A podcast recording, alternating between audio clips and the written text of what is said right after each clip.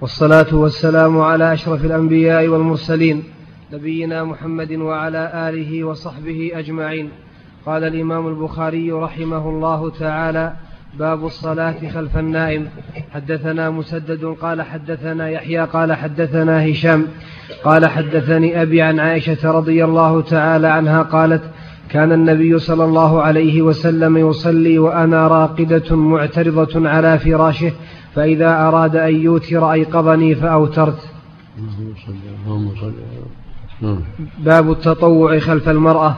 حدثنا عبد الله بن يوسف قال أخبرنا مالك عن أبي النضر مولى عمر بن عبيد الله عن أبي سلمة بن عبد الرحمن عن عائشة زوج النبي صلى الله عليه وسلم ورضي الله تعالى عنها أنها قالت كنت أنام بين يدي رسول الله صلى الله عليه وسلم ورجلاي في قبلته فإذا سجد غمزني فقبضت رجلي فإذا قام بسطتهما قالت والبيوت يومئذ ليس فيها مصابيح.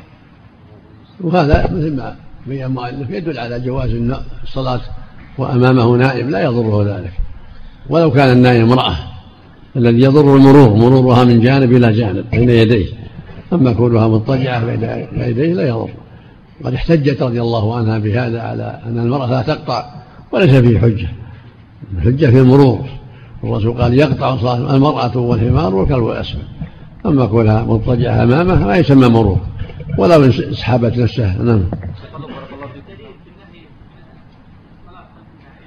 نعم.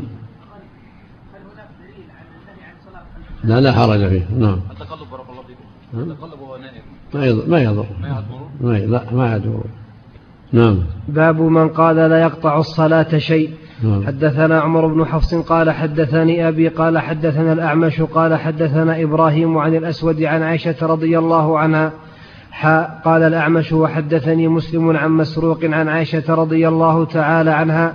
ذكر عندها ما يقطع الصلاة الكلب والحمار والمرأة. فقالت شبهتمونا بالحمر والكلاب.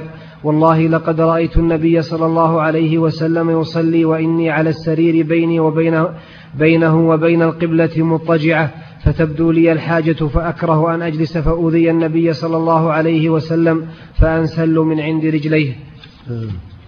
حدثنا إسحاق قال أخبرنا يعقوب بن إبراهيم قال حدثني ابن أخي ابن شهاب أنه سأل عمه عن الصلاة يقطعها شيء فقال لا يقطعها شيء. أخبرني عروة بن الزبير أن عائشة رضي الله تعالى عنها زوج النبي صلى الله عليه وسلم قالت لقد كان رسول الله صلى الله عليه وسلم يقوم فيصلي من الليل وإني لمعترضة بينه وبين القبلة على فراش أهله. نعم. باب إذا حمل جارية صغيرة على عنقه في الصلاة. حدثنا عبد الله نعم. انسلالها ما, ما هو مرور. تنسل من الفراش. تنسل من جهة رأسها. نعم. باب إذا نعم. باب إذا حمل جارية صغيرة على عنقه في الصلاة. نعم. حدثنا عبد الله بن يوسف قال أخبرنا مالك عن عامر بن عبد الله بن الزبير عن عمرو بن سليم الزرقي عن أبي قتادة الأنصاري رضي الله تعالى عنه أن رسول الله صلى الله عليه وسلم كان يصلي كان يصلي وهو حامل أمامة بنت زينب بنت رسول الله صلى الله عليه وسلم ولأبي العاص بن ربيعة بن عبد شمس فإذا سجد وضعها وإذا قام حملها. نعم. يبين الأمة أن هذا لا حرج فيه. حمل الطفل لا حرج فيه. عليه الصلاة والسلام. ويبين تواضعه. تواضعه عليه الصلاة والسلام ومحبته لأولاد بناته ورفقه بهن, بهن وعطفه عليهن. اللهم صل عليه وسلم. نعم. باب نعم. سواء منهم من عند رجليها ولا من عند راسه كل واحد. نعم. ما يسمى مرور. المرور الذي يأتي من جانب إلى جانب.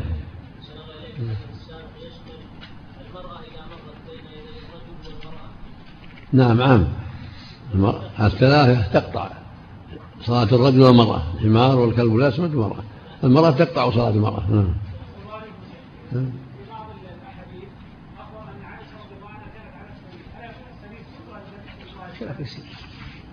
لا سرير هو فوق السرير والنبي كان إذا سجد غمز رجليها حتى تكف رجليها. نعم. وهي مادتها. صلى الله عليه وسلم. نعم.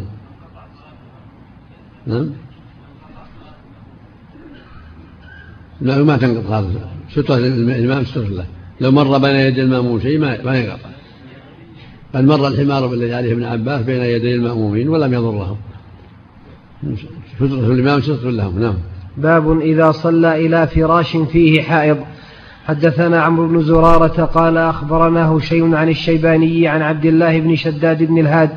قال أخبرتني خالتي ميمونة بنت الحارث رضي الله تعالى عنها قالت كان فراشي حيال مصلى النبي صلى الله عليه وسلم فربما وقع ثوبه علي وأنا على فراشي. حدثنا أبو النعمان قال حدثنا عبد الواحد بن زياد قال حدثنا الشيباني سليمان قال حدثنا عبد الله بن شداد قال سمعت ميمونة رضي الله تعالى عنها تقول كان النبي صلى الله عليه وسلم يصلي وأنا إلى جنبه نائمة فإذا سجد أصابني ثوبه وأنا حائض وزاد مسدد عن خالد قال حدثنا سليمان الشيباني وأنا حائض. نعم. باب هل يغمز الرجل امرأته عند السجود لكي يسجد؟ حدثنا عمرو بن علي قال حدثنا يحيى قال حدثنا عبيد الله قال حدثنا القاسم عن عائشة رضي الله تعالى عنها قالت بئس ما عدلتمونا بالكلب والحمار. لقد رأيتني ورسول الله صلى الله عليه وسلم يصلي وأنا مضطجعة بينه وبين القبلة فإذا أراد أن يسجد غمز رجلي فقبضتهما. أليس هذا يدل أن ما في السرير؟ محتمل. لا ولو, ولو كان ما في السرير قد يرتفع شوي يهوي ردت رجليها. صار يهوي في أسفل السرير. باب المرأة تطرح عن المصلي شيئا من الأذى. حدثنا باب, باب المرأة تطرح عن المصلي شيئا من الأذى. حدثنا أحمد بن إسحاق حدثنا أحمد بن إسحاق السر السرماري. قال حدثنا عبيد عبيد الله بن موسى قال حدثنا إسرائيل عن أبي إسحاق عن عمرو بن ميمون عن عبد الله رضي الله تعالى عنه قال بينما رسول الله صلى الله عليه وسلم قائم يصلي عند الكعبة وجمع قريش في مجالسهم. إذ قال قائل منهم ألا تنظرون إلى هذا المرائي أيكم يقوم إلى جزور آل فلان فيعمد إلى فرثها ودمها وسلاها فيجيء به ثم يمهله حتى إذا سجد وضعه بين كتفيه فانبعث أشقاهم. فلما سجد رسول الله صلى الله عليه وسلم وضعه بين كتفيه وثبت النبي صلى الله عليه وسلم ساجدا فضحكوا حتى مال بعضهم إلى بعض من الضحك فانطلق منطلق إلى فاطمة عليها السلام. فانطلق منطلق إلى فاطمة عليها السلام وهي جويرية فأقبلت تسعى وثبت النبي صلى الله عليه وسلم ساجدا حتى ألقته عنه وأقبلت عليهم تسبهم. فلما قضى رسول الله صلى الله عليه وسلم الصلاة قال اللهم عليك بقريش اللهم عليك بقريش اللهم عليك بقريش. ثم سمى اللهم عليك بعمر بن هشام وعتبة بن ربيعة وشيبة بن ربيعة والوليد بن عتبة وأمية بن خلف وعقبة بن أبي معيط وعمارة بن الوليد. قال عبد الله رضي الله تعالى عنه فوالله لقد رأيتهم صرع يوم بدر ثم سحبوا إلى القليب قليب بدر. ثم قال رسول الله صلى الله عليه وسلم وأتبع أصحاب القليب لعنة. نسأل الله العافية. نسأل الله العافية. نسأل الله العافية.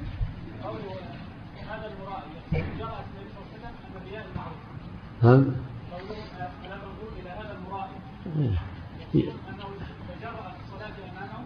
هذا مراده يعني يصلي أمامه يرعينا يصلي هذا قليل من كثير من شرهم. نعم اللهم كيف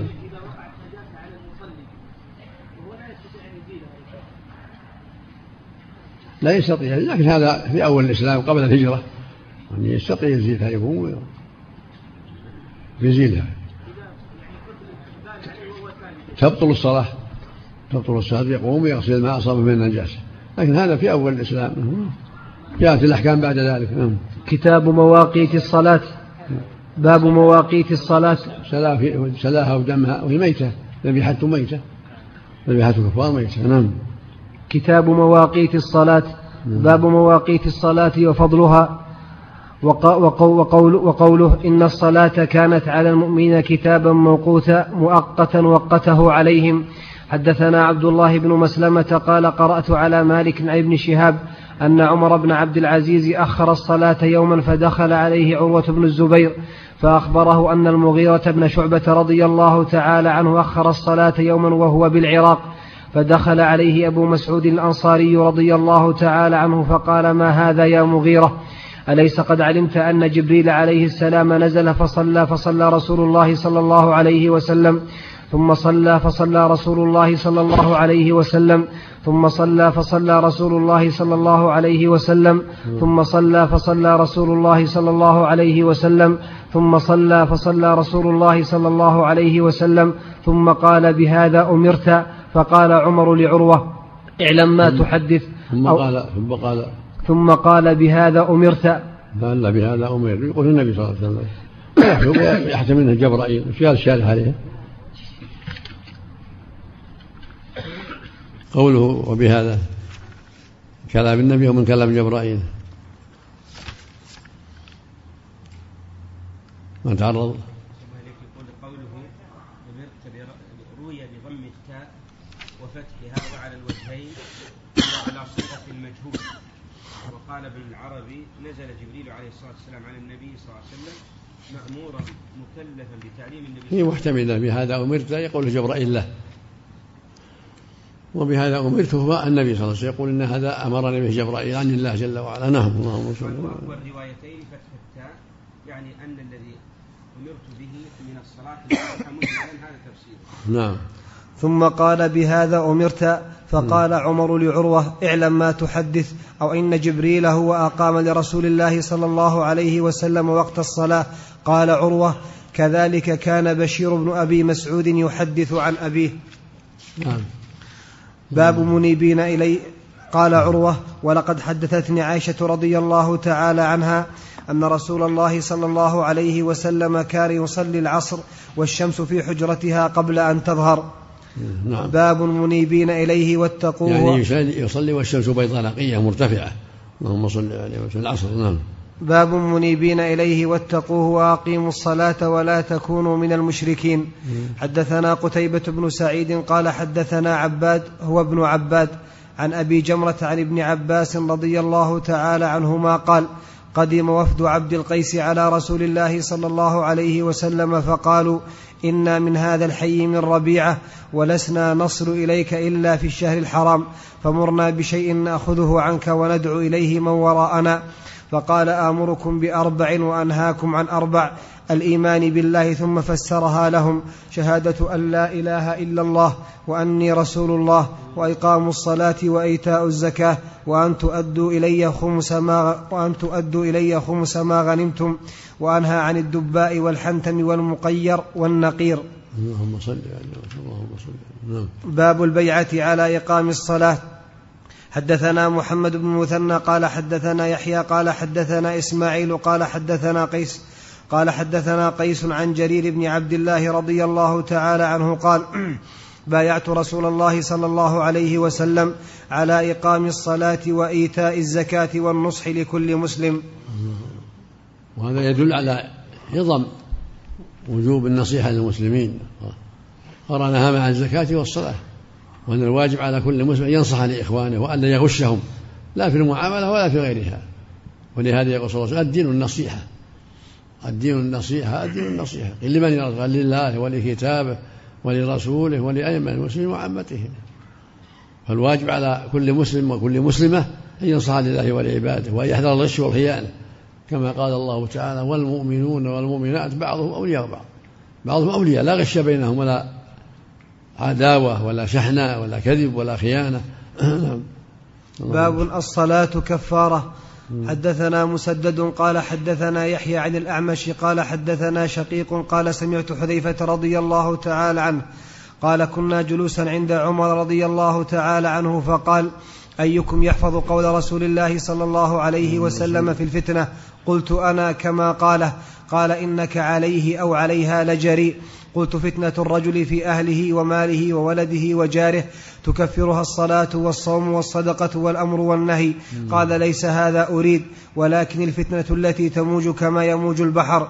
قال ليس عليك منها بأس يا أمير المؤمنين إن بينك وبينها بابا مغلقا. قال يكسر أم يفتح؟ قال يكسر. قال إذا لا يغلق أبدا. قلنا أكان عمر رضي الله تعالى عنه يعلم الباب؟ قال نعم كما أن دون الغد الليلة إني حدثته بحديث ليس بالأغاليط فهبنا أن نسأل حذيفة رضي الله تعالى عنه فأمرنا مسروقا فسأله فقال الباب عمر. ولهذا قال صلى الله عليه وسلم إذا وقع عليهم السيف لم يرفع إلى يوم القيامة. فلما قتل عمر جاءت الفتن. اللهم استر رضي الله. عنه اللهم استر نعم. حدثنا قتيبة قال حدثنا يزيد بن زريع عن سليمان التيمي عن أبي عثمان النهدي عن ابن مسعود رضي الله تعالى عنه أن رجلا أصاب من امرأة قبلة فأتى النبي صلى الله عليه وسلم فأخبره فأنزل الله أقم الصلاة طرفي النهار وزلفا من الليل إن الحسنات يذهبن السيئات. فقال الرجل يا رسول الله ألي هذا؟ قال لجميع أمتي كلهم. كل من أتى المعصية ثم تاب إلى الله صار صلاته وتوبته كفارة له. كل من أقدم على معصية ثم أن الله عليه بالتوبة كفر الله به خطاياه. الله أكبر. نعم. وجاء تائبا نادما نعم باب فضل الصلاة لوقتها. حدثنا أبو الوليد هشام بن عبد الملك قال حدثنا شعبة قال الوليد بن العيزار أخبرني قال سمعت أبا عمرو الشيباني يقول حدثنا صاحب هذه الدار وأشار إلى دار عبد الله رضي الله تعالى عنه قال سألت النبي صلى الله عليه وسلم أي العمل أحب إلى الله؟ قال الصلاة على وقتها. قلت ثم أي. قال ثم بر الوالدين. قلت ثم أي. قال الجهاد في سبيل الله. قال حدثني بهن ولو استزدته لزادني. اللهم صل اللهم صل وفي هذا الحث على أداء الصلاة في وقتها. وأن ذلك من أفضل الأعمال وعلى بر الوالدين والجهاد في سبيل الله. اللهم استعان. نعم. باب الصلوات الخمس الخمس باب الصلوات الخمس كفارة. حدثنا إبراهيم بن حمزة قال حدثني ابن أبي حازم والدراوردي عن يزيد عن محمد بن إبراهيم عن أبي سلمة بن عبد الرحمن عن أبي هريرة رضي الله تعالى عنه أنه سمع رسول الله صلى الله عليه وسلم يقول أرأيتم لو أن نهرا بباب أحدكم يغتسل فيه كل يوم خمسا ما تقول ما خمسة ما تقول ذلك يبقى ما تقول ذلك يبقي من درنه. قالوا لا يبقي من درنه شيئا. قال فذلك مثل الصلوات الخمس يمحو الله به الخطايا.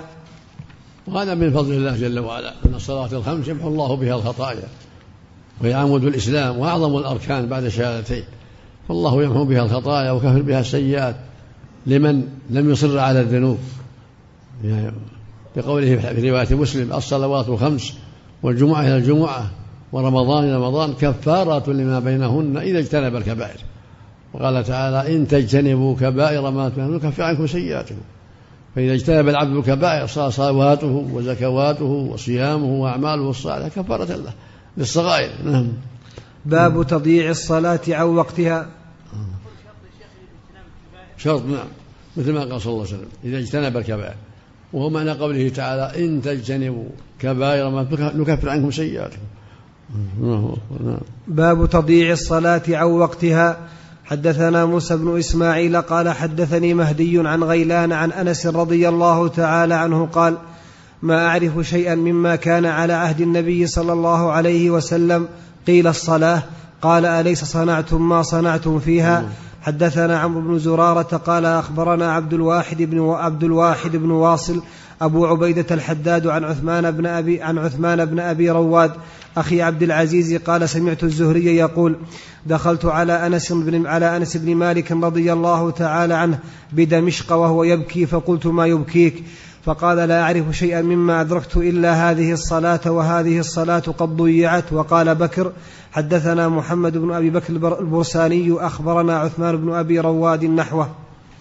والمعنى تضيعها بالتأخير وعدم المواظبة عليها في أوقاتها أو الكسل عن أدائها بالجماعة كل هذه مصائب عظيمة يجب المحافظة عليها في أوقاتها وأداؤها بالجماعة هذا هو المحافظة. الله يقول حافظوا على الصلوات والصلاة الوسطى فالواجب على كل مؤمن أن يحافظ عليها في الجماعة في أوقاتها ويحذر الكسل والضعف والتشبه بأهل النفاق. نسأل الله العافية. نعم.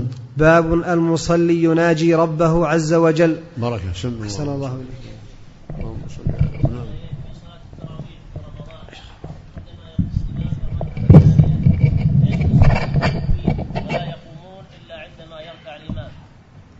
ما في نافلة. أو ما في بأس. نافلة. تراويح نافلة. ولكن الأفضل أن يقوم يصليها عن قيام. إذا صلاها عن جلوس صار له النصف نصف الأجر. أحسن الله إليكم إذا نعم. دخل المسافر مع إمام مقيم وأدرك الإمام في الركعة الأخيرة هل يكمل ثانية فقط أو يصلي كاملا؟ يسمي تمام أربعة. إذا صلى خلف المقيم يدرك ركعة يصلي أربعة. نعم. مسافر يصلي أربعة. نعم. وإذا أدرك التشهد فالأحوط الله يصلي أربعة لعموم الأدلة. حتى لو أدرك التشهد. نعم. بسم الله الرحمن